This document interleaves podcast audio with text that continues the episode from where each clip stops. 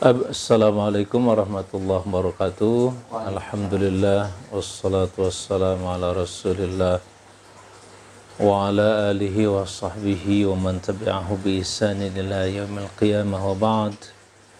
Qala Allah azza wa jalla a'udzu billahi minasy syaithanir rajim. Bismillahirrahmanirrahim. Ya ayyuhalladzina amanu taqullaha haqqa tuqatih ولا تموتن إلا وأنتم مسلمون. وقال يا أيها الذين آمنوا استجيبوا لله وللرسول إذا دعاكم لما يحييكم. واعلموا أن الله يحول بين المرء وقلبه وأنه إليه تحشرون. واتقوا فتنة لا تصيبن الذين ظلموا منكم خاصة. Wa'alamu anna allaha syadidul iqab sadaqallahul azim. Hamba-hamba Allah yang saya muliakan puji syukur kehadirat Allah azza wa jal senantiasa kita panjatkan untuk selanjutnya kita sempurnakan. Sesempurna Allah menyempurnakan berbagai kenikmatan demi kenikmatan untuk kita semuanya. Bahkan di balik musibah ada sebuah kenikmatan yang didesain oleh Allah Subhanahu wa taala dalam satu kata yang begitu simpel yaitu kebaikan. Biadikal khair di tanganmu lah ya Allah kebaikan. Kalau sudah Allah yang mengungkapkan satu kata, satu ungkapan yang namanya khair, suatu kebaikan.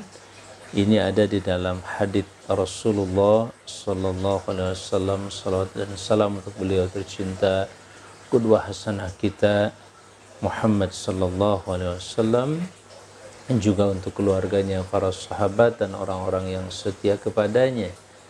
Allah memfirmankan kepada Rasulnya Muhammad sallallahu alaihi wasallam untuk menyampaikan kepada kita bahwa mayuridillahu bihi khairan yusib fihi au yusab fihi.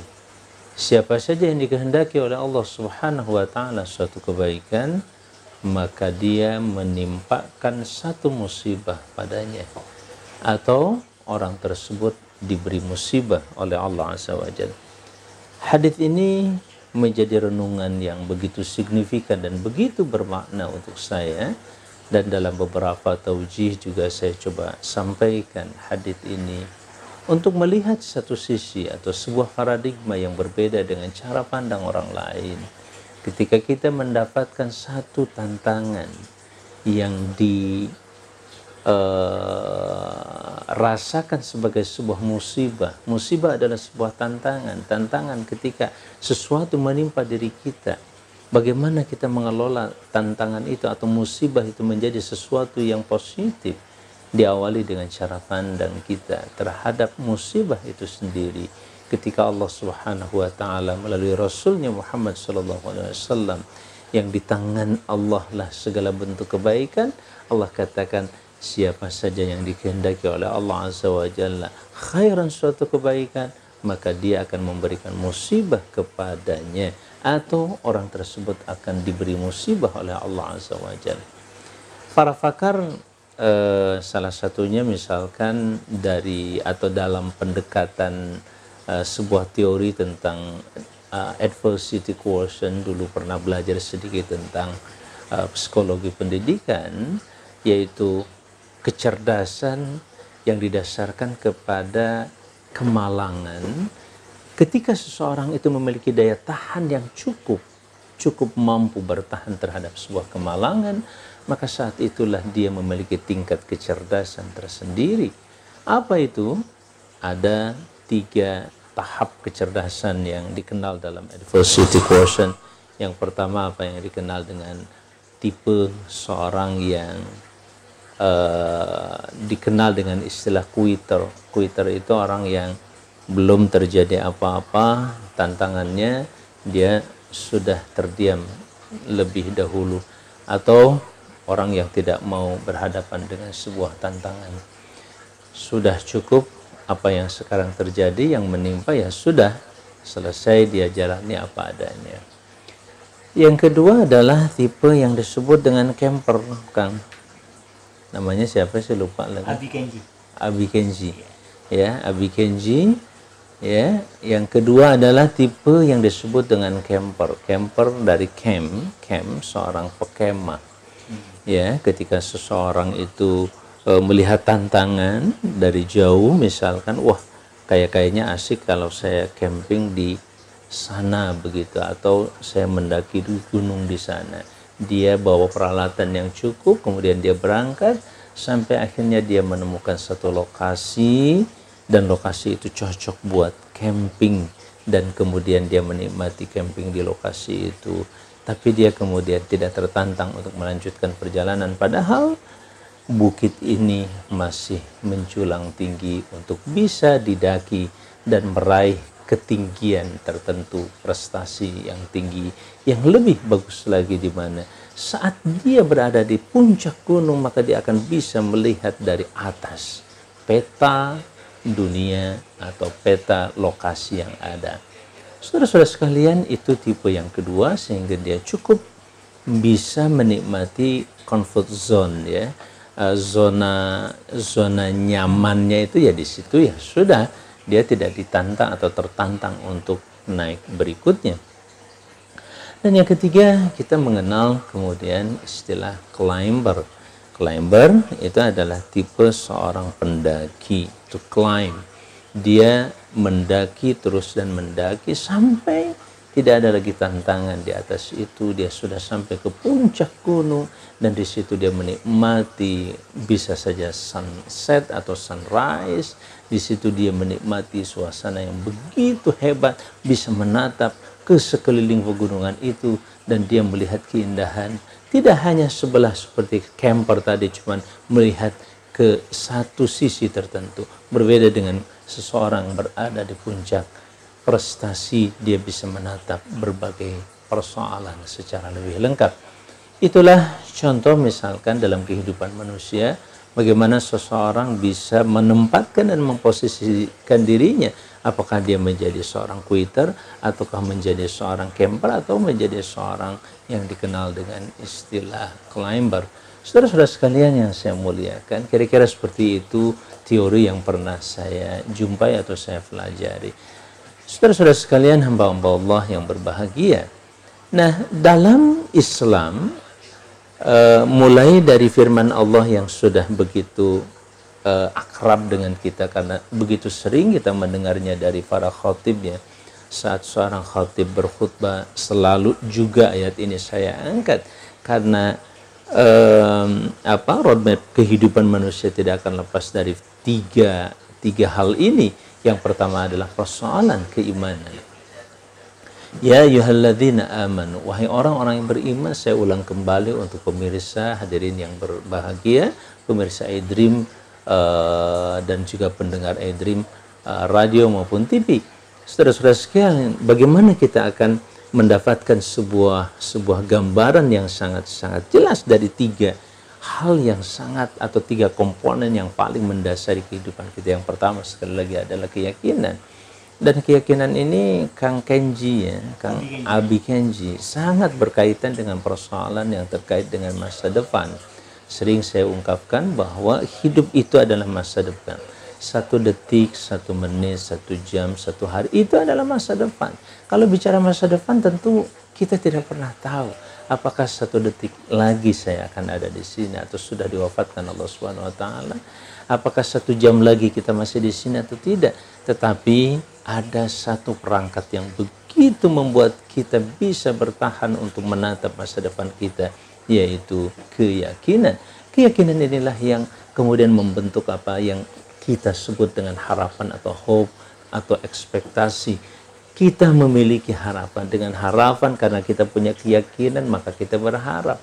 Saya yakin perusahaan ini bisa uh, menggaji saya maka saya berharap untuk bisa menjadi bagian dari perusahaan itu misalkan atau maka saya bekerja untuk perusahaan tersebut tadi Nah, saudara-saudara sekalian, ketika kita betul-betul memiliki keyakinan, semakin kuat keyakinan kita, maka semakin kuat pula harapan kita. Harapan inilah yang memotivasi kita untuk tunduk dan patuh melakukan pekerjaan-pekerjaan. Pertanyaannya apakah itu pekerjaan saya yang memerintahkan atau pekerjaan orang lain? Itu saja persoalannya. Orang lain itu maupun saya bisakah menjanjikan atau mengantarkan saya kepada sesuatu yang menjadi harapan saya ataukah tidak? Lagi-lagi Islam menyelamatkan kita dan memberikan semacam guidance yang sangat jauh lebih lengkap, lebih sempurna bahkan lebih pasti sebab datang dari yang maha pasti Dialah Allah Azza wa Jalla yang setiap detik, setiap saat meyakinkan kita. Dia maha benar, maha gaib, maha dalam segala sesuatunya maha pasti. Begitu sering meyakinkan kita dengan ayat-ayatnya yang diturunkan kepada para rasulnya khususnya Nabi Allah Muhammad SAW dengan ilham inspirasi yang terus diberikan kepada umat manusia lewat peristiwa-peristiwa yang terjadi lewat pelajaran-pelajaran berharga yang dijalani oleh manusia. Dan bertakwalah kalian kepada Allah. Dan Allah mengajarkan kepada kamu sekalian di balik ketakwaan itu. Karena takwa adalah pengalaman hidup. Takwa itu pengalaman pemirsa.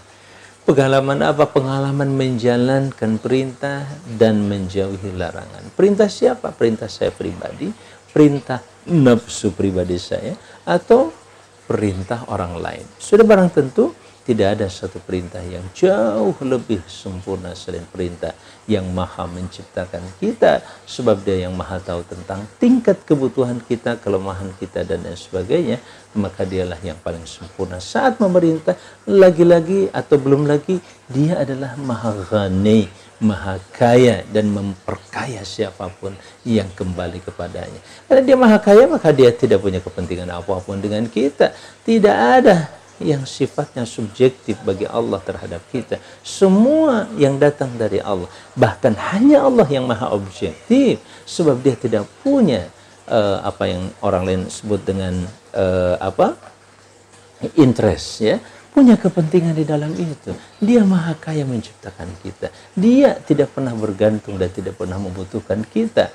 Antumul fuqara wa nahnul aghniya kata Allah. Kalian adalah yang butuh, kalian adalah yang fakir dan aku yang maha kaya. Saudara-saudara sekalian, pemirsa iDream uh, baik TV maupun radio yang saya muliakan. Jadi momen yang pertama yang sangat perlu disempurnakan dalam setiap detik kehidupan kita adalah keyakinan tadi. Dan kita hidup sekali lagi dengan keyakinan. Tanpa keyakinan maka kita akan kehilangan harapan. Itu yang disebut dengan frustasi alias putus asa. Orang putus asanya, putus harapannya. Kenapa? Karena dia sudah putus keyakinannya.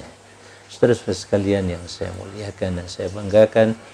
Selanjutnya harapan itulah yang kemudian tadi sudah disampaikan kita tunjukkan dalam bentuk pengalaman hidup. Harapan terhadap apa? Terhadap sesuatu yang bisa memenuhi kebutuhan kita. Dengan apa? Dengan mengerjakan sesuatu yang diperintahkan dan menjauhi sesuatu yang dilarang. Silahkan cek. Begitu sering saya ingatkan, saya uh, sampaikan kepada saya pribadi dan kita semuanya bahwa di mana pun Anda berada, uh, Abi Kenji saja bekerja di sini sesuai dengan yang diperintahkan dan tidak mungkin dia mengerjakan sesuatu yang dilarang. Pasti begitu. Ya, setiap manusia pasti seperti itu. Kita di kampus pasti mengerjakan yang diperintahkan dan pasti juga menjauhi yang dilarang oleh kampus. Semuanya pasti seperti itu. Dan itulah substansi dari ketakwaan.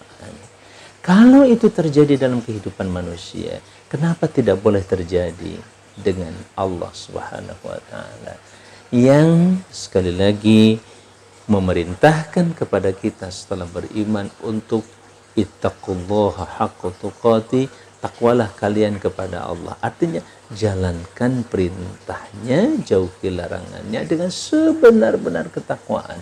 Maka ada satu kata dari kalimat takwa yang artinya khasyah atau artinya takut Takutlah kalian kepada Allah. Takut apa? Takut tidak digaji oleh Allah. Takut dipecat oleh Allah. Takut tidak dilirik oleh Allah Subhanahu wa taala.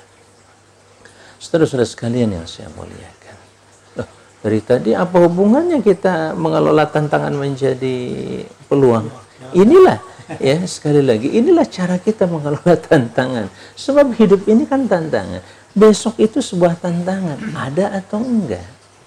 Setiap kehidupan kita, tiap detik itu adalah sebuah tantangan. Hanya bagaimana cara kita mengantisipasinya, sekali lagi tadi, dengan cara kita merubah hari esok dengan sebuah keyakinan bahwa kita insya Allah masih ada di sini, kita mudah-mudahan masih hidup di sini, bahkan Ramadan yang akan datang insya Allah kita akan sampai ke bulan Ramadan itu dengan izin Allah Subhanahu wa taala. Itulah tantangan atau hidup ini adalah sebuah tantangan karena kita gelap sama sekali tidak pernah tahu satu jam lagi kita mau apa dan di mana kita berada. Kita nggak pernah tahu sebenarnya satu menit lagi pun kita tidak pernah tahu apakah kita masih ada di sini atau tidak. Wallahu alam. Ya, saudara-saudara sekalian yang saya muliakan. Nah, di situlah kemudian kita menjadikan kehidupan ini dijalani dengan menjalankan perintah dan juga menjauhi larangan. Sekali lagi, yang paling pasti dan paling abadi, tidak ada sedikit pun keraguan di dalamnya. Tentu adalah perintah atau larangan Allah Subhanahu wa taala. Satu peristiwa lagi yang pasti terjadi dalam kehidupan kita dan itu masuk dalam kategori keyakinan lainnya yaitu kematian. Maka dari dari dari dari situ kemudian Allah dan kematian pun adalah sebuah tantangan. Bahkan mungkin tantangan terbesar manusia dalam kehidupan menjelang dia berpindah kepada kehidupan yang abadi itu tantangan terbesarnya adalah kematian. Karena itu batas yang paling menentukan sehingga ada bahasa husnul khatimah atau kasuul khatimah. Naudzubillah min dzalik semoga Allah melindungi kita dari suul khatimah. Husnul khatimah. Akhir daripada kehidupan kita apakah dalam kondisi baik? Nah tentu saja tadi kembali baik itu menurut siapa? Nah, kembali lagi, saya dinyatakan berprestasi di kampus atau tidak, ya tergantung kepada saya komitmen dengan aturan kampus atau tidak.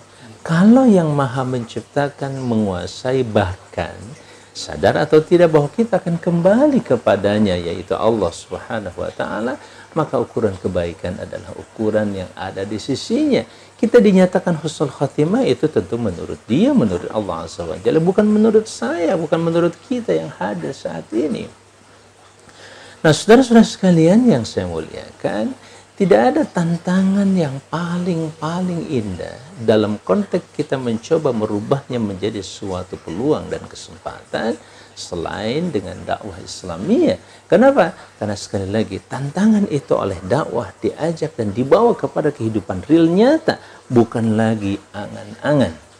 Maka dari itu, jadikanlah setiap detik hidup kita yang tadi saya katakan setiap detik adalah tantangan buat kehidupan kita, jadikanlah itu sebagai dakwah, dakwah dan dakwah. Dakwah dalam dua konteks. Yang pertama konteks kita berdoa kepada Allah Azza wa yaitu beribadah di mana setiap detik kehidupan kita, setiap aktivitas kita dijadikan sebagai doa kita dan penyembahan kita kepada Allah SWT. Dan yang kedua adalah dakwah dalam pengertian mengajak orang lain untuk kembali kepada Allah Subhanahu wa taala. Waman ahsanu qawlan mimman da'a ila Allah. Siapa yang lebih baik perkataannya dibandingkan orang yang mengajak kepada Allah Subhanahu wa taala? Perkataan. Iya, perkataan apa saja yang kita omongkan setiap hari? Membangunkan tidur. Eh, bangun-bangun sudah siang. Kita berdakwah dengan cara mengatakan bangun. Untuk apa? Supaya dia memanfaatkan waktunya lebih baik lagi. Tidak dihabiskan dengan tidur yang nyenyak, tidur yang lelap, tapi kita selamatkan melalui satu kata bangun. Untuk apa? Untuk mengajaknya bangkit, merubah, tidak dengan tidur, tapi dengan bangun. Dan dia melakukan sesuatu. Setiap ajakan kita itu adalah dakwah. Bahkan dakwah dengan aktivitas, dengan hal, dengan apa itu contoh sudah barang tentu itu juga jauh lebih efektif untuk kita semuanya. Nah, saudara-saudara sekalian yang saya muliakan, maka dari itu, ketika kita merubah tantangan itu menjadi dakwah, sehingga dakwah pada akhirnya, kenapa segala sesuatu itu menjadi dakwah? Karena dia adalah representasi dari Islam itu sendiri. Ayat berikutnya saya sampaikan dalam firman Allah Subhanahu wa taala surah Al-Anfal ayat 24 Allah Subhanahu wa taala berfirman dan itu sering juga kita sampaikan dari uh, apa itu dari substansi tentang dakwah. Ketika Allah berfirman ya ayyuhalladzina amanu stajibu lillah. Wahai orang-orang yang beriman istajibu lillah. Jawab Allah respon Allah. Nah, ini juga penting untuk kita coba pahami secara komprehensif. Setiap sentuhan hidup kita, setiap kata dalam hidup kita, setiap peristiwa dalam hidup kita, pasti Allah Azza wa Jalla ada di balik itu semuanya. Maka apa yang menjadi ungkapan, perkataan, perbuatan kita, semuanya dilihat oleh Allah Azza wa Jalla. Oleh karena itu, jadikanlah semua aktivitas itu adalah istijabah istijabah kepada Allah tadi itu istijabah kepada Allah dalam bentuk apa? Menjalankan perintah atau menjauhi larangan yang nanti dipetakan atau distrukturkan dalam lima hukum yang diperintah itu ada yang pasti harus dan wajib, ada yang disebut dengan sunnah, yang lazim, ada yang goiru lazim. Yang lazim mesti dijalankan di tingkat pribadi atau di tingkat kolektif, sehingga ada fardu ain, ada fardu kifayah. Dan yang kedua atau yang ketiga adalah maaf, yang kedua adalah mandub alias sunnah dijalankan jauh lebih baik dan mendapatkan pahala. Tidak dikerjakan memang tidak berdosa. Yang berikutnya adalah kalau kita menjalankannya alias mubah itu bisa punya nilai atau tidak tergantung kepada niat kita. Dijalankan tidak berpahala ditinggalkan pun tidak berdosa. Nah berikutnya nanti ada larangan. Larangan itu masuk ke dalam dua kategori. Yang pertama makruh yang kedua adalah haram. Saudara-saudara sekalian struktur pemahaman perintah maupun larangan menjadi lima aturan hukum ini sudah barang tentu membuat apa yang kita kerjakan, kita katakan, dan apa saja yang terjadi dalam hidup kita tidak akan lepas daripada kerangka yang lima ini. Saudara-saudara sekalian yang saya muliakan, istajibu di situlah makna istijabah. Istijabah dalam menjalankan perintahnya dan istijabah juga dalam menjauhi larangannya. Saudara-saudara sekalian yang saya muliakan. Nah, istijabah ini juga tidak lain adalah sebagai cara kita merespon ketakwaan kepada Allah Subhanahu wa taala yang tadi itu. Kemudian walir rasuli istijabah kepada Allah dan juga kepada Rasul. Apa bentuk istijabah kepada Rasul? Idza da'akum lima yuhyikum apabila Rasul sallallahu alaihi wasallam mengajak kamu sekalian lima yuhyikum kepada sesuatu yang menghidupkan kalian. Allahu Akbar. Kalimatnya begitu apa ya? komprehensif dalam luas sesuatu yang menghidupkan kalian. Kita ini kan di di di alam ini kan tidak akan lepas dari satu kata aja apa? Hidup. Ya kalau sudah nggak hidup, ya mati akhirnya cuma itu. Nah sekarang apa saja sisi yang bisa menghidupkan kamu sekalian? Membuat segala sesuatu jadi hidup. Ma sesuatu. Apa itu? Yaitu risalah. Ma di situ adalah risalah yang dibawa oleh Nabi Muhammad SAW. The message. Risalah Nabi yang terakhir yang dibawa kepada kita yaitu Islam, Quran dan Sunnahnya itulah ma yuhyikum.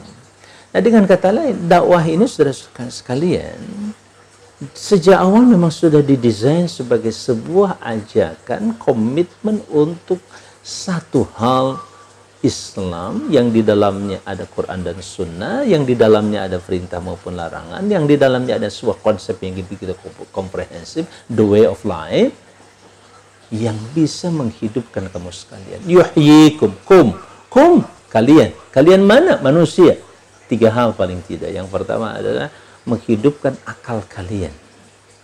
Dengan apa? Dengan ilmu Allah. Dengan ilmu Allah yang jauh, lebih komprehensif, lebih pasti, dan lebih terjamin, bahkan proven, teruji. Pagi tadi saya ditelepon oleh seseorang yang menyampaikan sebuah proposal, kemudian saya sempat uh, berzooming dengan dia pakai zoom kurang lebih setengah jam dan dia memaparkan proposal tentang uh, konsep mengenai anti COVID-19. Konsepnya sangat bagus dari ahli uh, apa genetika apa itu ya termasuk mikrobiologi uh, dengan beberapa tim termasuk uh, salah satunya adalah profesor dari IPB.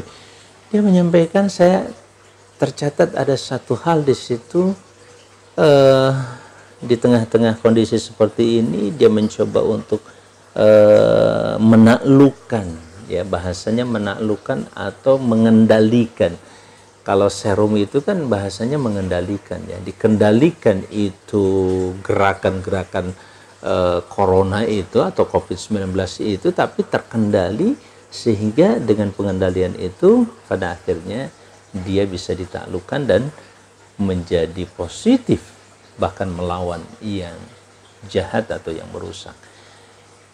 Nah, ada ada dua hal di situ di mana bagian mirip pakunya itu katanya yang di yang disimbolkan dengan S di situ yang ketemu dengan AC ya, E C I atau ACE 2 itu AC2 itu kayak kayak begitu kayak gunting dan ini kayak paku. Kalau sudah masuk begini itulah yang menarik dia kemudian masuk ke dalam uh, apa ke dalam paru-paru dan di situlah mulai terjadi. Nah uh, apa itu antibodi di situ pun akan terjadi pertarungan dan seterusnya seberapa jauh antibodi manusia mampu mengalahkannya atau tidak ada satu catatan dari dia bahwa S ini akan bisa terhindar dari masuk ke ACE itu ketika seseorang dalam posisi sedang beribadah, dia sedang puasa, dia sedang banyak berpikir pada Allah, apalagi sholat dan selebihnya. Secara mental tidak bisa kita pungkiri bahwa itu juga akan memberikan imunitas tersendiri dalam diri manusia. Wallahu alam itu sebuah uh, rencana penelitian tapi begitulah asumsi yang dia sudah miliki. Dan kalau memang ada di antara pemirsa siap untuk menjadi pemodal atau membiayai proposal ini ini juga luar biasa. Ini tawaran aja gitu ya memang agak besar riset ini Nah, sudah untuk ukuran kita, kalau untuk sebuah negara itu tidak ada iya. apa-apanya, kecil riset ini kalau memang bisa dilanjutkan. Saudara-saudara sekalian yang saya muliakan, seperti itulah uh, manusia itu sebenarnya diciptakan oleh Allah Subhanahu wa taala dengan dengan bahasa sunnatut tadafu ya. Sunnat tadafu itu artinya uh, hukum yang diciptakan oleh Allah yang membuat manusia itu bisa menolak uh, oleh dirinya sendiri atau saling uh, saling menolak bahaya. Nah, ketika ada tantangan, pasti manusia itu diciptakan oleh Allah dengan kesiapan untuk menghadapi tantangan bahkan mengatasi tantangan itu sehingga Allah menggaris bawahi dengan kalimat la yukallifullahu nafsan illa wus'aha. Allah tidak membebani satu jiwa kecuali sebatas kemampuannya kemampuan yang diciptakan oleh Allah dalam diri manusia adalah kemampuan untuk menghadapi tantangan tadi.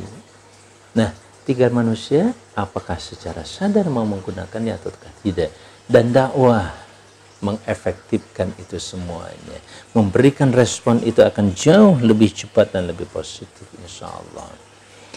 Nah, begitulah uh, semakin hari semakin berkembang pengertian tafsir dari mayuhiku sesuatu yang menghidupkan kamu sekalian. Islam secara keseluruhan menghidupkan akal pikiran kita, lebih jeli lagi melihat, lebih pasti lagi kita akan memprediksi sesuatu karena kita ada dalam bimbingan Allah yang maha gaib, bahkan maha tahu tentang kegaiban termasuk dialah yang maha tahu tentang masa depan tadi itu. Masa depan buat kita adalah gaib dan bagi Allah tidak ada yang gaib. Apa yang bakal terjadi sekian tahun yang akan datang, Allah tentu saja sudah mengetahuinya. Hari ini apalagi dia adalah yang mendesain segala sesuatu yang terjadi atau tidak terjadi. Masya Allah kan wa malam yasha lam yakun.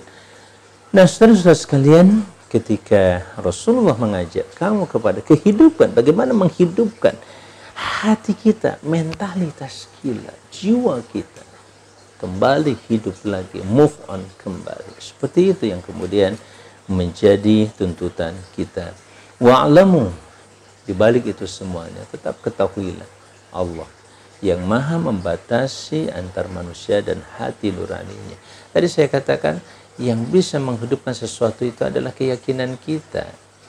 Keyakinan itu adanya pada hati nurani dan yang maha mengendalikan hati nurani adalah Allah Subhanahu wa taala.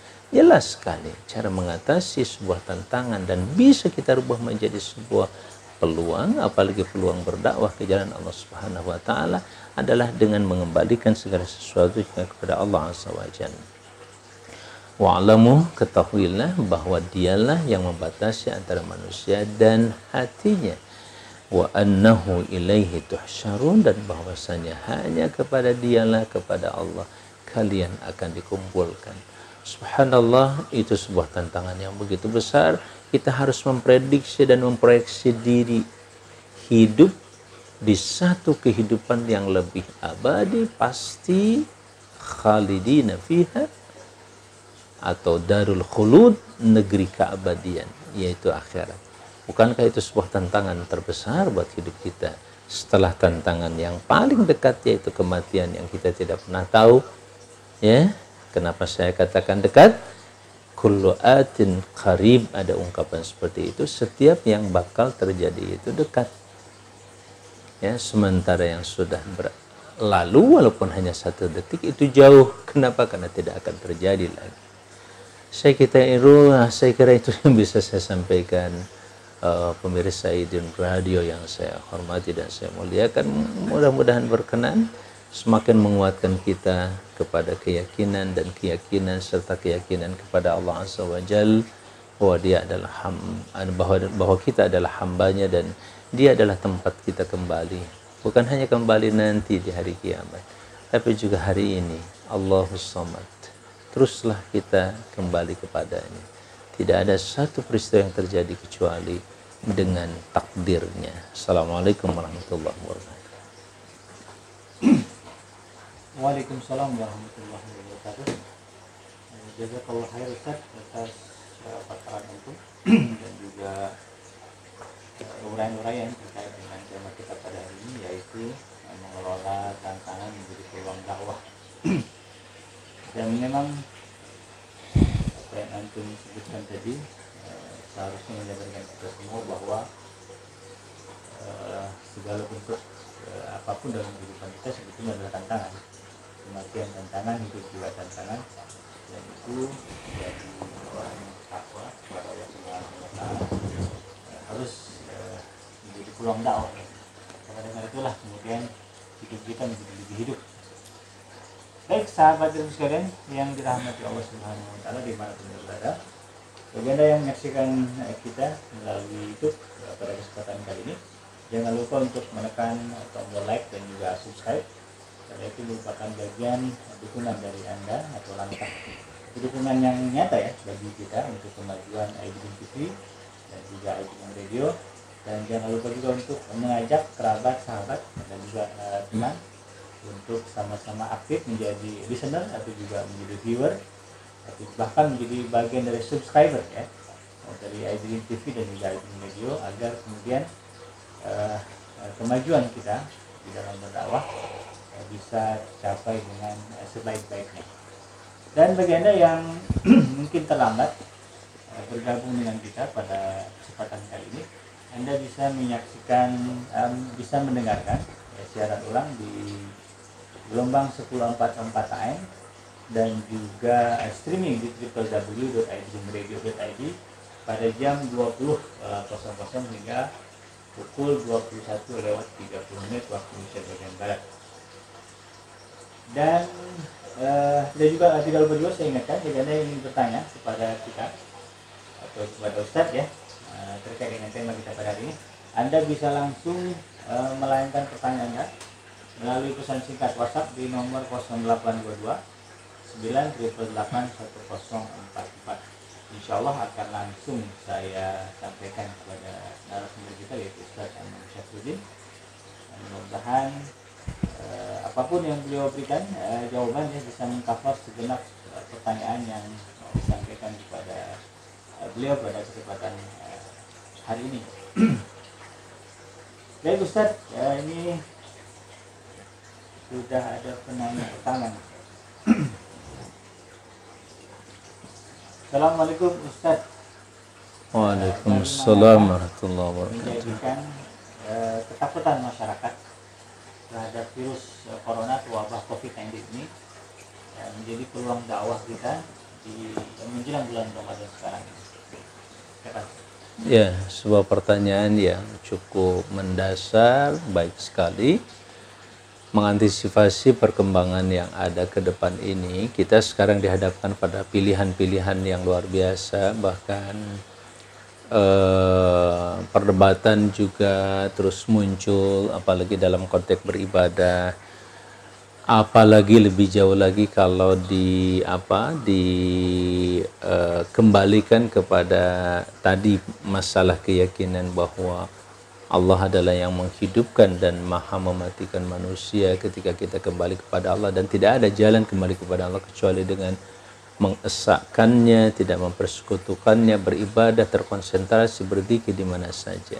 Itu kadang-kadang memancing kita untuk kemudian kalau memang Allah itulah yang maha menentukan dan kita dekat kepada Allah dengan sedekat-dekatnya apalagi menjelang Ramadan kita juga akan memanfaatkan Ramadan sebaik-baiknya apalagi tadi juga diungkapkan virus corona juga akan bisa di apa di, di dicegah misalkan dengan kedekatan seseorang kepada Allah melalui puasa umpamanya lalu kenapa kita kok takut banget Betul, di satu sisi persoalan ini adalah persoalan yang menyangkut keyakinan kita sangat yakin Allah maha menentukan, tapi perlu dicatat ada tiga hal dalam memahami kehendak Allah, iradatullah. Apakah Allah menghendaki kita ini baik atau buruk? Lihat saja dalam konteks tiga hal ini.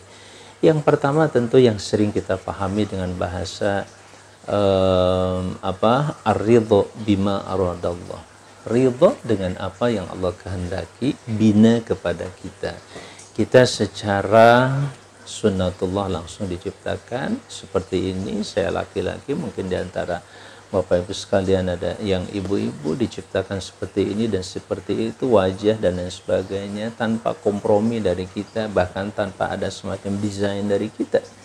Itu sesuatu yang Allah kehendaki kepada kita. Dan ada yang Allah ciptakan Allah ma'aradallahu bil kaun kepada alam secara keseluruhan.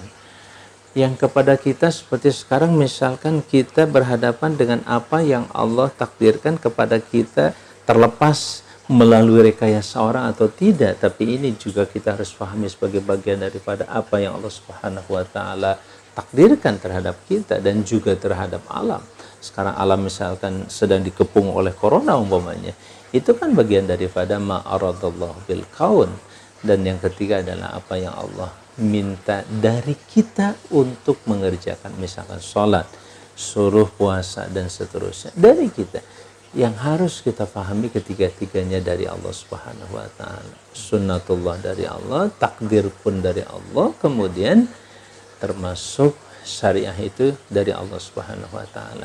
Nah, bagaimana kita mengelola tantangan ini? Salah satunya dengan memahami duduk persoalan secara proporsional. Kalau persoalan alam misalkan serahkan kepada mereka yang ahli dalam bidang sains. Sains ini juga memang masih dalam proyeksi kemungkinan-kemungkinan belum ada yang pasti. Tetapi paling tidak secara keilmuan ini sudah dilakukan secara objektif mendekati kepada kebenaran walaupun nggak pasti kebenarannya tetap kita harus mengikuti sunnah yang telah Allah ciptakan di alam ini. Dan sunnatullah ini kan ber, ber, berulang-ulang sifatnya pun tetap. Kita bisa mengatasi corona kalau ada pengalaman yang berulang-ulang dan sifatnya pasti kena atau tidak kena dan seterusnya. Nah sudah-sudah sekalian nah peluang di sinilah di mana kita di dalam berdakwah termasuk melalui WA kita. Jangan terlalu diseret masyarakat ini untuk mengetahui hal-hal yang sifatnya terlalu menakutkan mereka. seimbangkanlah antara khauf dan roja kalau dalam bahasa agama. Seimbangkan antara rasa takut dan harapan terlalu besar harapannya lupa dengan rasa takutnya mungkin orang akan terjebak dengan angan-angan terlalu berani. Ya sudahlah kita juga pasti sembuh lah insya Allah ke mana-mana dia bebas tanpa sedikit mempertimbangkan uh, social distancingnya kemudian yang lain-lain yang nggak pernah digubris oleh dia. Itu juga satu sikap yang salah kita tetap menyeimbangkan antara roja dan khauf ini kepada Allah Subhanahu wa taala. Tapi ingat faat ba'sa baba ikuti tetap hukum sebab akibatnya. Apa yang bisa mengakibatkan tertular? Kita jauhi sebagaimana yang sudah dianjurkan seperti itu. Termasuk uh, eh, PSBB ya sekarang misalkan juga. Kalau itu menjadi satu tuntutan dan memang ini menjadi sebuah kebijakan yang didasarkan kepada sebuah pendekatan ilmiah, sudah pasti kita pun punya kewajiban. Bahasa Umar bin Khattab lari dari takdir menuju takdir Allah yang lainnya. Bahasanya begitu sederhana ketika diserang dia pada saat mengambil keputusan untuk tidak jadi masuk kepada satu kawasan yang sedang terkena wabah, dia minta kepada para sahabat dikumpulkan berdiskusi dua kelompok e, menyampaikan satu anda harus lanjutkan yang satu jangan sebab kamu tidak boleh untuk menjerumuskan diri kepada satu tempat yang sedang terkena wabah kata yang satu lagi kamu jangan lari dari takdir sebagaimana akhirnya dia putuskan saya batalkan untuk tidak jadi memasuki wilayah itu ketika diserang dengan ungkapan anda kalau begitu lari dari takdir Allah. Iya, kata dia. Saya lari dari takdir Allah menuju takdir Allah yang lain. Itulah indahnya kita menjadi milik Allah. Kapan dan di mana saja kita berada, dari satu keputusan kepada keputusan yang lain tetap kembali kepada Allah.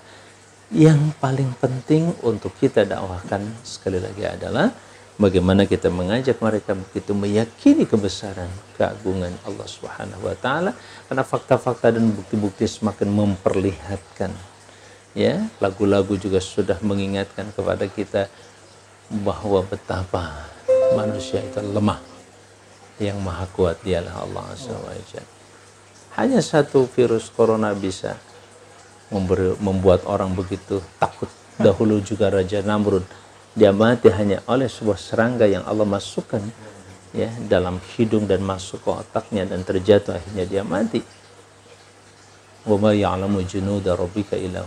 Ini perspektif yang lain. Tidak ada yang mengetahui pasukan Allah kecuali Dia.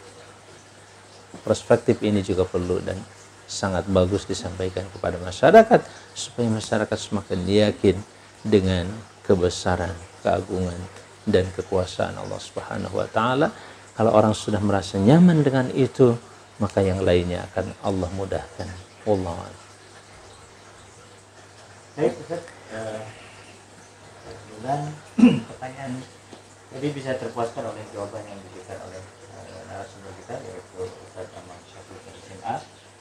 Jadi memang uh, kita harus berada di tengah ya antara takut dan berharap terlalu takut juga salah kemudian terlalu pede ya, juga salah. Karena viralnya udah ada katanya ketika uh, apa satu wabah itu ketemu dengan seorang soleh mau ke mana mau ke sana uh, dan dia ditugaskan hanya untuk uh, katakanlah menjakiti dan membunuh sekitar lima ribuan tapi yang mati ada lima puluh ribu kenapa karena yang lainnya mati karena panik katanya.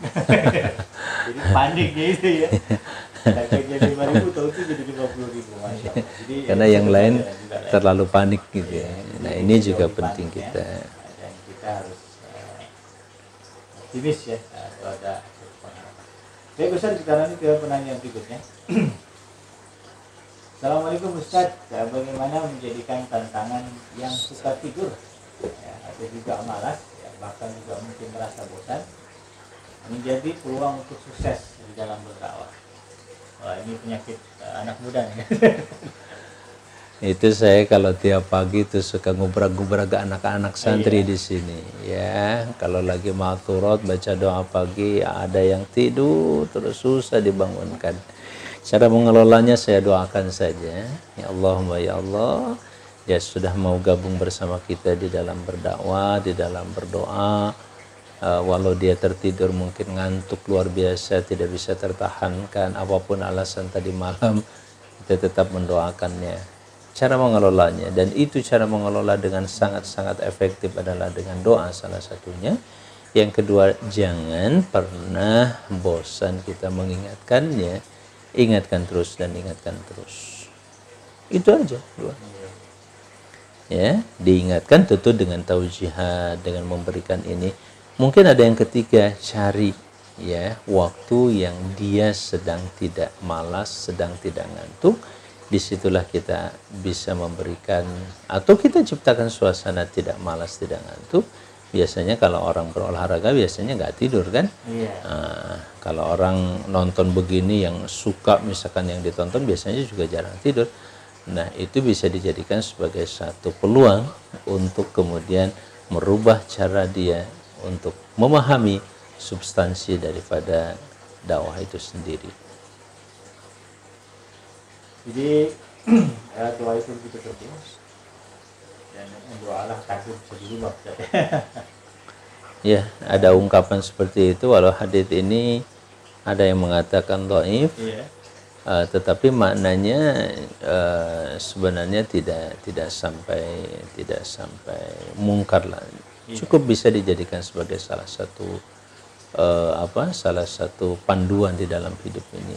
Dan dan kita yakin secara logika juga bahwa kalau saja Allah yang mentakdirkan A maka Allah boleh mentakdirkan B. Kalau mintanya kepada Allah tidak ada yang sulit bagi Allah Subhanahu wa taala. Intinya di situ saja. Logikanya di situ. Yaitu tadi dari takdir ke takdir yang lain. Ya, jadi doa kemudian dilawan ya malasnya jangan sampai dibiarkan. Rasa bosan juga dilawan cari kegiatan atau hal-hal yang sifatnya bukan menyebabkan rasa bosan. Nah, mudah-mudahan bisa memuaskan uh, bagi penanya. Kita lanjut Ustaz ke pertanyaan berikutnya. Assalamualaikum Ustaz. Bagaimana dengan uh, mereka yang berguguran di jalan dakwah? Pertanyaan adalah apakah masih ada peluang bagi mereka? Sangat-sangat peluang dan dalam konteks dakwah ini kan kita tidak melampaui apa yang sudah ditetapkan oleh Allah Subhanahu wa taala kemudian juga oleh rasulnya bahwa pintu tertutup dalam melakukan perbaikan kembali dari apa yang dikenal dengan bahasa kesesatan itu hanya pada saat gargarah ya pada saat uh, apa ruh kita ada di uh, apa kerongkongan ya atau fenomena alamnya adalah ketika pintu taubat itu ditutup pada saat matahari terbit dari arah barat artinya sudah terhenti sudah dan di situ sudah menjelang terjadinya hari kiamat. Selama itu masih belum terjadi selama itu pula peluang untuk kembali peluang untuk kemudian dia membuka diri kembali sangat-sangat luas. Makanya pintu taubat dari Allah semakin dan selalu dibuka seluas-luasnya. Pagi maupun sore hari, siang maupun malam hari, tidak pernah ditutup oleh Allah Azza wa Jalla. Untuk pribadi selama sekali lagi nyawanya atau ruhnya belum ada di kerongkongan yang sedikit lagi dia akan keluar. Selama itu pintu taubat. Taubat dalam konteks orang meninggalkan dakwah sudah barang tentu kembali kepada dakwah. Asal kata tabayatu bukan ada yang udu yang artinya kembali. Ya, maka dari itu jangan membiarkan diri untuk terus ya ada bahasa kepalang ya ah udah tanggung kepalang tanggung saya sudah begini tidak ada bahasa seperti itu. Tidak ada bahasa kepalang tanggung. Kembalilah tetap kepada Allah. Setiap individu pasti punya salah. Makanya dikenal setiap manusia itu khata. Nabi pun pernah bersalah walaupun kesalahan Nabi tidak sampai berdosa. Ya, misalkan ketika dia ditegur oleh Allah Azza wa Jal saat dia sedang memperhatikan untuk mendakwahi para tokoh, para pembesar, para elit, kira-kira begitu. Tiba-tiba ada seseorang yang a'ma yang kita kenal dalam surah Abasa, tiba-tiba Nabi bermasam muka. Itu sebuah kesalahan ditegur oleh Allah SWT, tapi tidak sampai berdosa sudah barang tentu. Sebuah kesalahan tidak sampai berdosa untuk Nabi SAW. Allahu alam ya di tengah-tengah itulah kemudian Nabi memperbaiki dirinya sampai pada tingkat sangat memuliakan Abdullah ibni Ummi Maktum. Ya Abdullah bin Ummi Maktum itu sangat dimuliakan. Seringkali kalau Abdullah bin Ummi Maktum datang beliau me, apa itu mentarhib me welcomingnya itu dengan uh, ahlan biman atabani fihi rabbi. Selamat datang dengan orang uh, yang Allah telah menegurku karena dia. Nabi sampai menyanjung dia seperti itu. Ahlan biman atabani fihi rabbi. Selamat datang untuk seseorang yang Tuhanku telah menegur aku. Subhanallah seperti itu. Baik, dan tentu pendekatannya banyak. Dengan langsung kita mengajaknya. Minimal sekali lagi dengan hati kita mendoakan dan terus didoakan. Setiap saat dan setiap kesempatan insya Allah. Ya. Ya. Kalaupun tidak berubah-ubah tidak berugi buat kita. Karena kita melakukan sesuatu bukan karena kita berdakwah misalkan bukan dilihat hasilnya dia berubah atau tidak berubah, tapi kita sudah melakukan atau belum.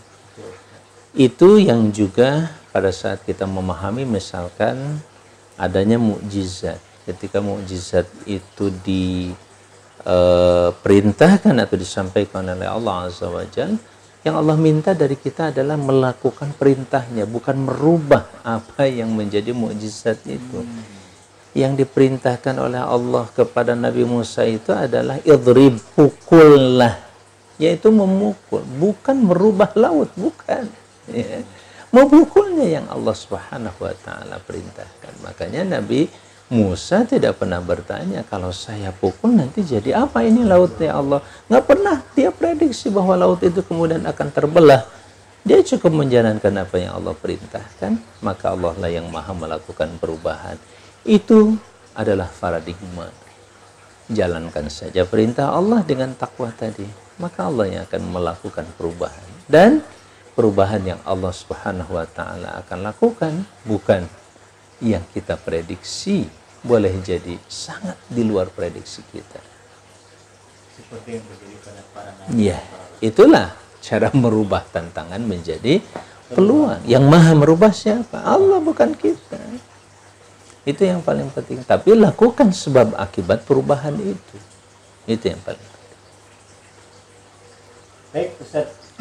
uh, mudah dipahami oleh uh, penanya tadi. Kita lanjutkan ke pertanyaan berikutnya, Ustaz.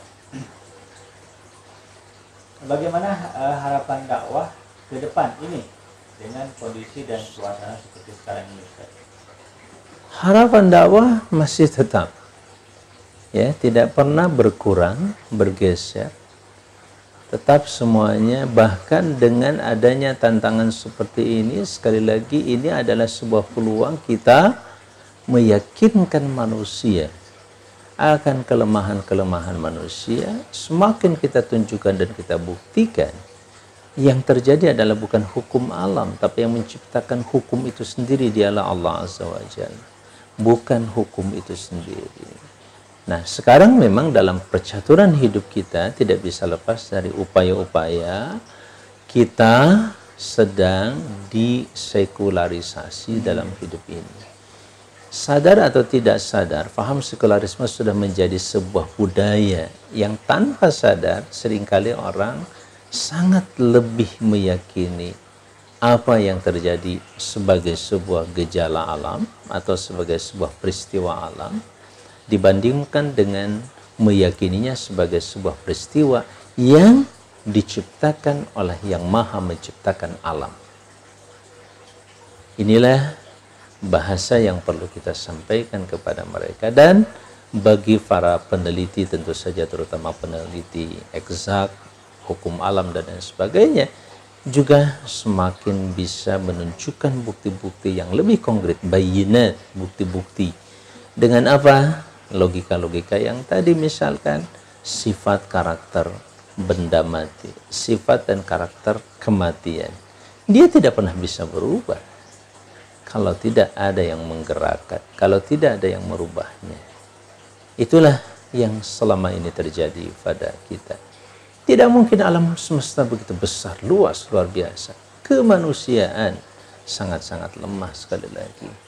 Hanya ketuhanan dalam hal ini Tuhan yang maha Tuhan itulah yang bisa melakukan perubahan. Karena dia maha hidup benda mati seperti ini mati bisa bergantung begitu karena ada makhluk hidup yang mengangkatnya. Setiap benda mati, alam ini benda mati. Dia bisa hidup ketika ada yang menghidupkan. Dia bisa bergerak ketika ada yang menggerakkan. Logika ini penting dikuatkan dan dikuatkan, tunjukkan bukti demi bukti. Allah.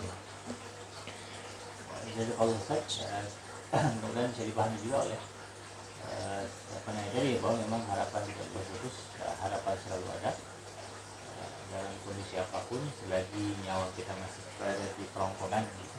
Iya, itu semuanya sekali lagi terkait dengan tadi ya, paradigma-paradigma yang yeah. begitu luar biasa yang ditekankan oleh Islam itu adalah mengerjakan apa yang Allah perintahkan. Kerjakan bukan hasilnya. Sampai ada satu hadis yang memerintahkan pada kita untuk tetap. Jika saja kita mengetahui kiamat itu hari esok yeah. dan masih ada kesempatan kita melemparkan satu biji korma lemparkan. Bagaimana mungkin kita mau melemparkan buat siapa? Orang besok mau kiamat hancur terus dia numbuh aja enggak bukan masalah itunya tapi anda sudah melakukan sesuatu untuk masih berpikir maslahat dan manfaat. Berpikir memberi manfaat kepada orang lain. Walaupun dalam suasana yang sudah tidak mungkin lagi. Bahkan kalau ukuran harapannya sudah tidak ada harapan iya, lagi. Kira-kira gitu. Ya, jadi tetap semangat ya dalam uh, mengubah uh, segala bentuk tantangan menjadi peluang dalam dakwah. Kita lanjut Ustaz ke pertanyaan berikutnya ini dari uh, sahabat Edwin yang menyaksikan kita di YouTube Ustaz. Namanya di mana? Hamoto. Nah, ini saya tidak tahu dari mana. Assalamualaikum Ustaz. Banyak orang dengan hartanya berbuat seperti berbagi rezeki saat COVID-19 ini. Kami yang sedikit harta merasa sedih dengan apa yang kami bisa eh, dengan apa kami bisa berbuat seperti mereka walau tidak dengan harta jadi kesedihan uh, yeah. ketika dia tidak bisa memberikan harta itu karena tidak punya kira-kira menyikapinya seperti apa nih Ustaz? Tadi dengan keyakinan dengan harapan yang sangat kuat kuat dan kuat harapan yang sampai pada tingkat saya akan melakukannya hanya saja saya tidak bisa melakukan karena memang tidak punya kemampuan hari ini saya sudah bisa melakukannya kalau saja ada ini dana di tangan saya misalkan. Itu sudah cukup melakukan hal seperti itu. Walaupun tetap kalau ingin disamaratakan segala sesuatunya juga mungkin tidak bisa kalau orang kaya pun melengkapi dirinya dengan sudah dia infak luar biasa tapi harapan dan keyakinannya juga besar yeah. yaitu fadl itu namanya kelebihan dan keutamaan seseorang. Masih ingat dengan hadits Nabi Shallallahu Alaihi Wasallam ketika orang-orang yang tidak punya kemampuan tadi ingin berinfak, ya, dan dia iri dalam pengertian yang positif atau yeah. gibtoh istilahnya, yang dibolehkan ketika orang punya harta dengan hartanya kemudian dia berinfak di mana-mana dan dia pengen jadi orang kaya seperti dia, itu namanya semacam iri yang dibolehkan. Nah, sebagian sahabat datang pada Rasulullah SAW iri dengan apa yang mereka infakkan di mana-mana dengan nilai pahala yang luar biasa. Sementara kami ya Rasulullah tidak bisa melakukan itu. Maka Nabi pun memberikan kepada dia untuk membaca subhanallah 33 kali, alhamdulillah 33 kali dan Allah akbar 33 kali setiap selesai sholat fardu. Mereka mengatakan ya Rasulullah kalau mereka juga mengaluk, melakukan itu juga di samping infak tapi juga tasbih, tahmid sama tahlil uh, atau takbir? Ya itu sudah menjadi kelebihan keutamaan. Tapi paling tidak orang yang tidak berkemampuan secara harta masih dibuka dan punya peluang untuk mengejar orang kaya dengan sisi yang seperti itu. Tapi pada saat seseorang tetap memiliki kelebihan dan kelebihannya itu bisa dimanfaatkan untuk hal yang jauh lebih positif maka sudah barang tentu itu adalah sebuah keutamaan kita tidak bisa mengejar dia. Jadi kalau berbicara infak tidak Jadi di situlah dalam konteks itulah niatul mukmin khairum min amalihi. Niatnya seorang mukmin itu lebih baik daripada amalnya. Kapan? Ketika dia punya niat yang sangat kuat, kemudian tidak bisa beramal sama sekali. Atau kalaupun beramal tapi amalnya tidak didasarkan kepada tingkat ketulusan dan keikhlasan. Itu juga merupakan sebuah cara merubah ya dan di sinilah sekali lagi semakin kita rajin mengaji memahami ayat demi ayat hadis demi hadis Rasulullah Sallallahu Alaihi Wasallam kita semakin menemukan paradigma hidup yang jauh lebih lengkap. Cara mengatasi setiap persoalan dengan al-fahmu. Wajar kalau kemudian Rasulullah SAW bersabda kalau di awal saya menyampaikan siapa saja yang dikehendaki Allah Subhanahu wa taala suatu kebaikan maka dia akan diberi musibah atau Allah timpakan musibah kepadanya. Sementara ada hadis yang yang lain yang mirip dan mutafakun alaih ini siapa yang dikehendaki oleh Allah suatu kebaikan maka Allah berikan pemahaman dalam agama yaitu Islam. Pemahaman Islam pemahaman agama di sini dengan pemahaman kita akan mengcover kekurangan-kekurangan kita. Pahami ketika saya tetap di rumah misalkan dalam suasana tidak Jumatan tetap kita mendapatkan pahala Jumatan karena kita tidak bisa berangkat karena ada situasi yang secara penelitian dan pembuktian ilmiah melarang kita untuk berangkat dan ngumpul di masjid. Bukan dilarang sholatnya bukan dilarang uh, apa itu berjamaahnya. Kita bisa saja melakukannya di rumah berjamaah tapi berdua misalkan. Tapi bisa juga kita uh, menggunakan sebuah tempat yang relatif masih hijau zonanya tapi tidak menggunakan eh, perkumpulan-perkumpulan uh, dan pertemuan-pertemuan yang terlalu besar Nah dengan pemahaman seperti itu kita tidak akan merasa apa ya e, seakan-akan waduh rasa-rasanya nggak sempurna sholat saya. Hmm. Betul, secara umum begitu.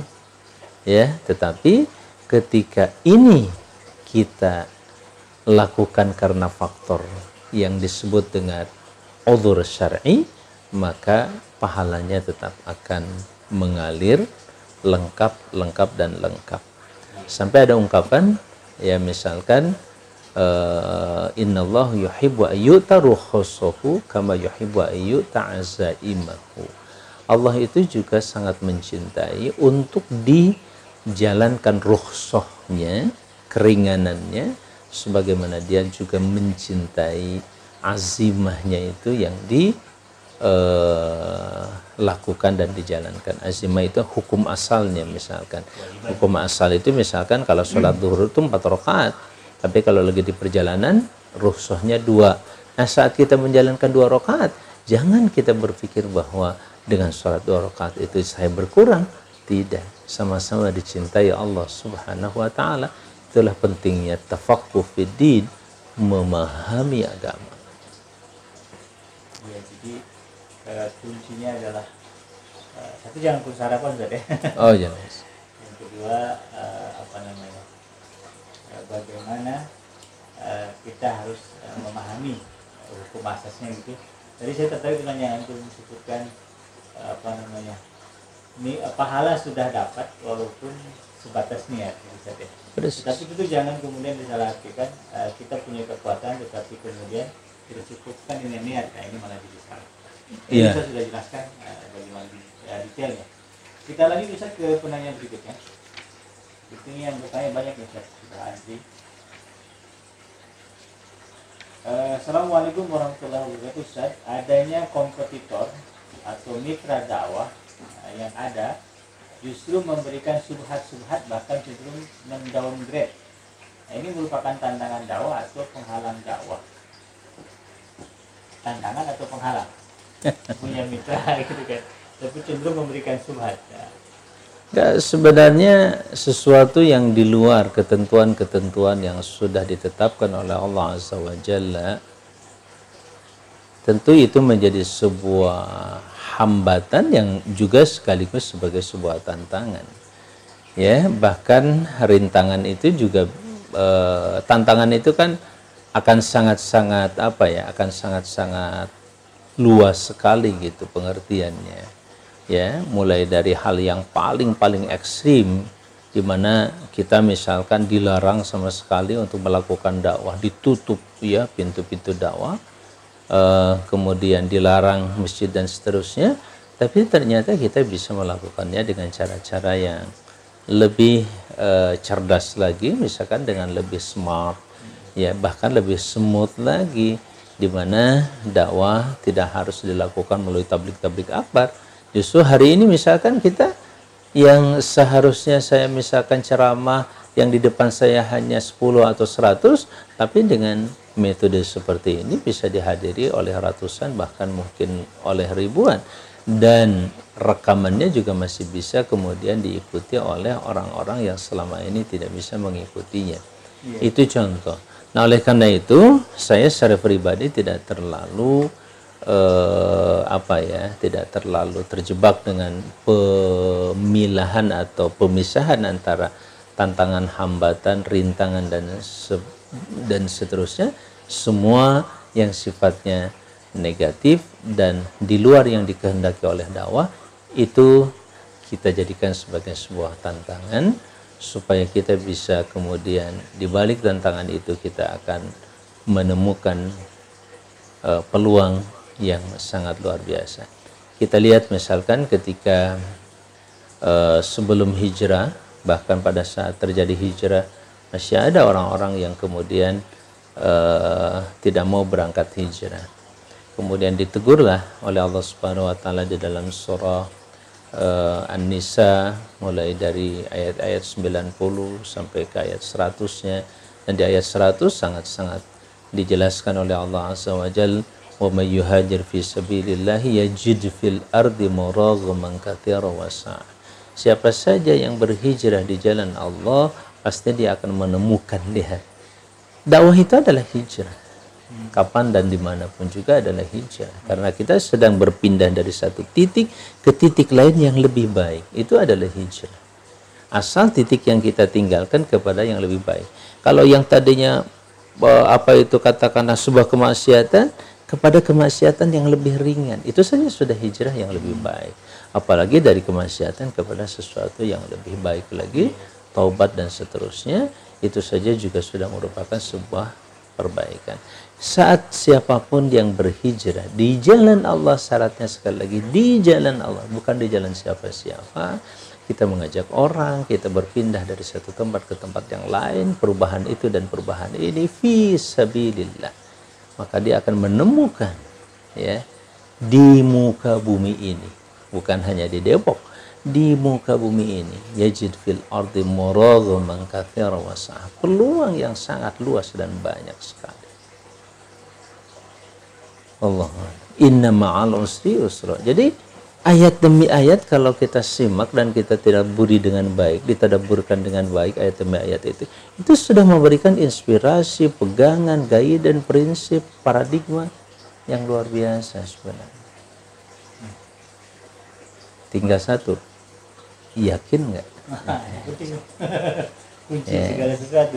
Jadi Inna ma'al usri usra. Sesungguhnya bersama kesulitan itu terdapat kemudahan. Sekarang kemudahannya apa di balik ini? Mungkin di satu sisi ada kesulitan. Tapi banyak sekali kemudahan-kemudahan yang sekarang atau dulu kita susah sekali ketemu kayak begini. Sekarang kok jadi mudah. Dulu kita sangat-sangat sulit ketemu dengan anak-anak 24 jam di rumah. Sekarang Allah mudahkan ketemu 24 jam di rumah. Inna ma'al usri yusra. Bersamaan. Ma'iyah bahasanya. Kebersamaan. Bersama kesulitan itu adalah kemudahan. Allah. Baik, eh, mudah-mudahan juga bisa dipahami oleh penanya eh, terkait dengan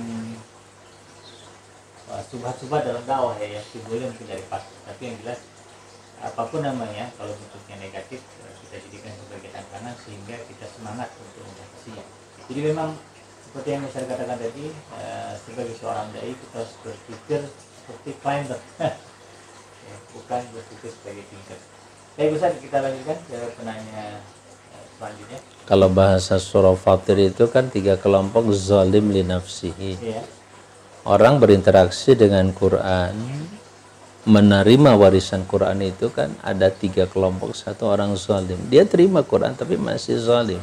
Artinya melanggar apa yang ada di dalam Al-Quran. Tapi tetap dikategorikan sebagai mereka yang menerima Quran. Bahkan masuk masih dalam kategori orang beriman kepada Quran tapi dia masih zalim artinya masih kadang-kadang melanggar yang dilarang kemudian juga tidak mengerjakan yang diperintahkan itu zalimul li nafsihi ya selama yang paling fundamental yaitu kemusyrikan tidak dilakukan oleh dirinya masih ada peluang lihat masih ada peluang dia kemudian diampuni Allah azza wajalla bahasa kasarnya masuk surga tapi mampir dulu ke neraka.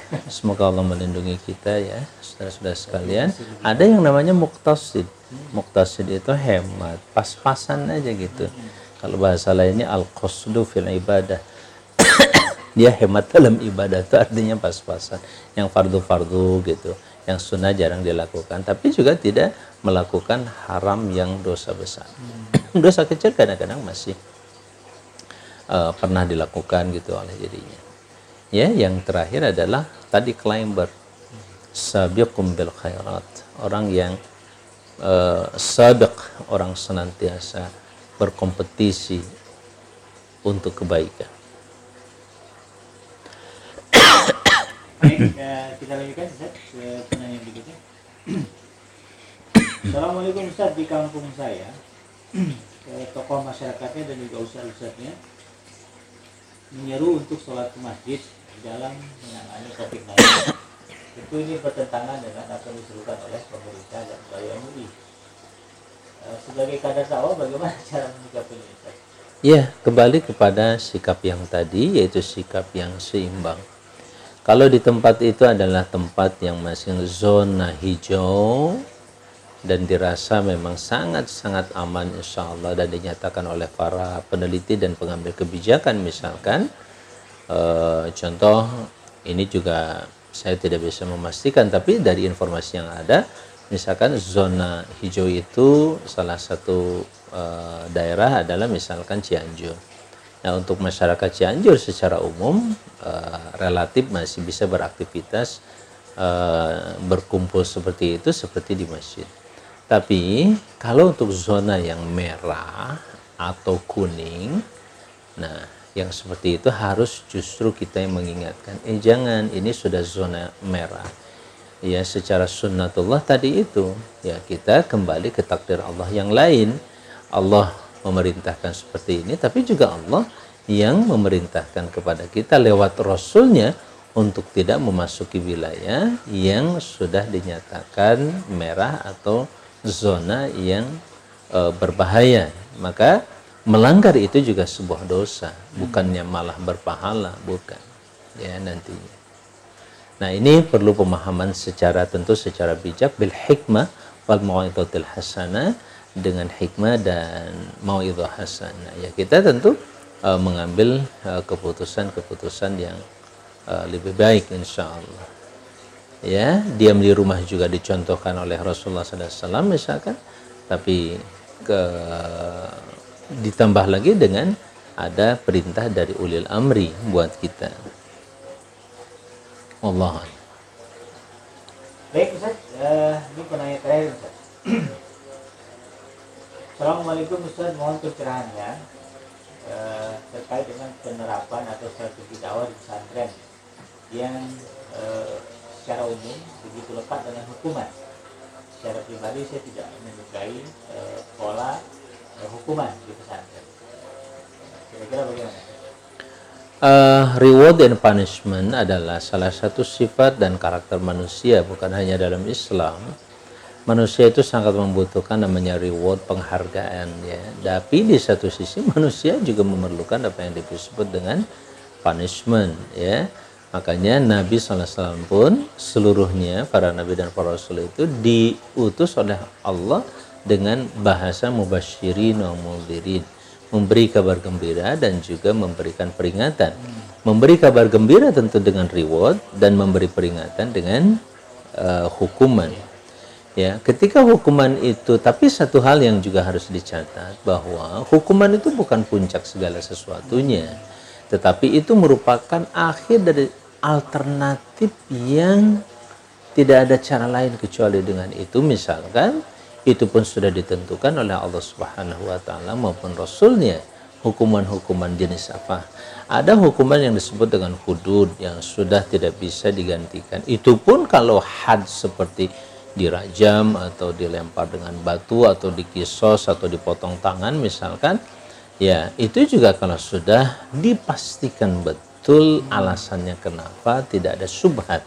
Subhat itu sesuatu yang masih banyak perdebatan pertanyaan. Misalkan orang dihukum mati. Kenapa dihukum mati? Oh nggak bisa dong. Terjadi perdebatan. Hukum juga masih banyak perdebatan di situ Misalkan betul orang mencuri dipotong tangan, betul yang mencuri dipotong tangan hukumnya begitu. Tapi alasan kenapa dia mencuri tidak pernah dibuktikan. Itu tentu saja yang disebut dengan subhat, tidak boleh. Sama dengan seseorang misalkan nggak bisa dirajam begitu saja. Kalau kemudian dia misalkan justru dibuktikan bahwa dia berzina itu oleh empat orang saksi. Tapi ada satu orang yang mengatakan saya sih nggak ngelihat, cuman hanya melihat dia masuk ke dalam kamar berdua seperti itu. Saya tidak sempat melihat. Nah, itu subhat kecil apa pun subhat had tadi tidak bisa diberlakukan. Nah, oleh karena itu paradigmanya buat kita sekali lagi reward dan punishment tetap dibutuhkan. Di pesantren juga tetap dibutuhkan. Hanya saja apakah eh, pelanggaran itu sudah masuk dalam kategori had dan perlu dipastikan dalam konteks kategori had ya atau bahasa lain seperti hukum pidana misalkan itu perlu perangkat-perangkat hukum seperti hakimnya dan seterusnya bahkan undang-undangnya pun mendukung itu. Kalau tidak mendukung hukum Islam tidak bisa diterapkan begitu saja tanpa ada dukungan dari sebuah sistem pemerintahan yang memperlakukan uh, hukum Islam itu sendiri. Sebab itu terkait dengan persoalan struktur pemerintahan atau hukuman itu sendiri dan nanti ada hukuman yang masuk dalam kategori ta'zir. Yang ta'zir itu lebih kepada pendidikan. Sebuah hukuman yang mendidik, yang membuat orang bisa berhenti dari uh, kesalahan dan ke apa da, da, dari kekeliruannya dan dia bisa kembali kepada uh, hal yang lebih baik lagi dan lebih positif. Dan itu semuanya dikembalikan pada ijtihad. Kayak di pesantren misalkan dulu juga saya di di pesantren ada hukuman anak dibotakin misalkan. Kalau dia mencuri itu nggak dipotong tapi dibotakin uh, kemudian dikasih katrol tuh uh, tahu katrol? Yang buat masak tuh uh, masih hitam di uh, gelandokin begitu. Uh, tapi ada juga yang kakinya misalkan di, dicambuk kakinya dengan cambukan yang tentu tidak sampai melukai dia tapi cukup uh, membuat dia malu. Nah itu semuanya istihad istihad saja bisa dilanjutkan dan tidak juga nggak apa-apa yang seperti itu. Bisa diganti dengan uh, yang penting bagaimana hukuman itu membuat dia jerah syukur-syukur dia bisa memperbaiki diri. Itu yang paling penting selain hukum pidana. Baik Ustaz. Sekali. Sebelum kita tutup Ustaz mohon mungkin uh, untuk untuk memberikan wasiat atau katakanlah uh, closing statement kepada kita terkait tema kita pada ini pada hari ini itu mengelola tantangan uh, jadi peluang dakwah. Ya, saudara-saudara sekalian, dengan beberapa informasi, pemikiran, pemahaman, dan paradigma yang dimiliki oleh Islam, tentunya itu semakin uh, membuat kita yakin. Oleh karena itu, ya ayyuhalladzina amanu ya sederhana ayatnya sederhana sekali kalimatnya dan konsepnya iman takwa dan husnul khatimah. Bagaimana kita coba pahami betul kata iman itu? Iman yakin. Saya yakin pada Allah. Saya sedang belajar ini. Sampai detik ini dengan gangguan berbagai macam tadi persoalan tantangan hidup yang luar biasa. Kadang saya tergelincir terpleset dengan kemaksiatan dan lain sebagainya. Itu tidak pernah bisa kita hindari tapi yang paling penting adalah wa idza fa'alu fahishatan aw dzalamu anfusahum dzakarullah fastaghfaru lidzunubihim ya. Ketika kita tergelincir apabila seseorang yang namanya mutakin itu juga tergelincir bersalah berdosa dan seterusnya maka dia segera zikir pada Allah dan dia atau diingatkan oleh hamba-hambanya yang lain dan dia kemudian beristighfar. Dan teruslah istighfar. Oleh karena itu pesan saya di tengah-tengah situasi seperti ini perbanyaklah istighfar. Ya perbanyaklah istighfar. Karena istighfar itu uh, ibarat apa ya semacam antibiotik yang bisa membuat imunitas dari kita semakin kuat dan imunitas itulah yang insya Allah penyakit apa pun yang akan menimpa diri kita dengan izin Allah akan bisa dilawan dengan izin Allah oleh tubuh kita dengan imunitas diri seperti itu karena di balik istighfar ada wa yazidkum quwwatan ila quwwatikum Allah tambahkan kekuatan di atas kekuatan kamu sekalian. Banyak zikrullah, banyak uh, dan banyak sekali konsep yang bisa kita uh, lakukan di tengah-tengah persoalan ini, tapi cerdas-cerdaslah kita memilih di antara sekian banyak konsep ada konsep-konsep tertentu yang intinya sebenarnya bukan pada bacaannya atau hikmahnya tetapi pada seberapa yakin kita kepada Allah melalui bacaan kita itu Allah bersama kita. Itulah situasi di mana kita terus ditarbiyah, kita diajak untuk berdakwah, kita terus diajak untuk berjamaah bersama orang-orang yang senantiasa berdakwah dan berdoa kepada Allah Subhanahu wa taala. Di pagi dan sore hari tidak lain dalam rangka membangun satu kekuatan mental sekaligus tingkat kecerdasan yang cukup tinggi yaitu as-sabru kesabaran. Wasbir nafsaka kata Allah dalam surah Al-Kahfi bersabarlah kendalikanlah dirimu untuk bersama dengan orang-orang yang berdakwah orang-orang yang sedang mengajak berdakwah sekali lagi langsung pada orangnya kepada Allah dan kita berdoa kepada Allah ingin melibatkan Allah dalam mengatasi berbagai persoalan yang hidup dalam kehidupan kita. Dua arah kita lakukan ke Allah dengan cara berdoa, invite Allah, mengundang Allah untuk mengintervensi yang sedang kita lakukan atau kita mengundang orang untuk segera kembali kepada Allah Subhanahu wa taala.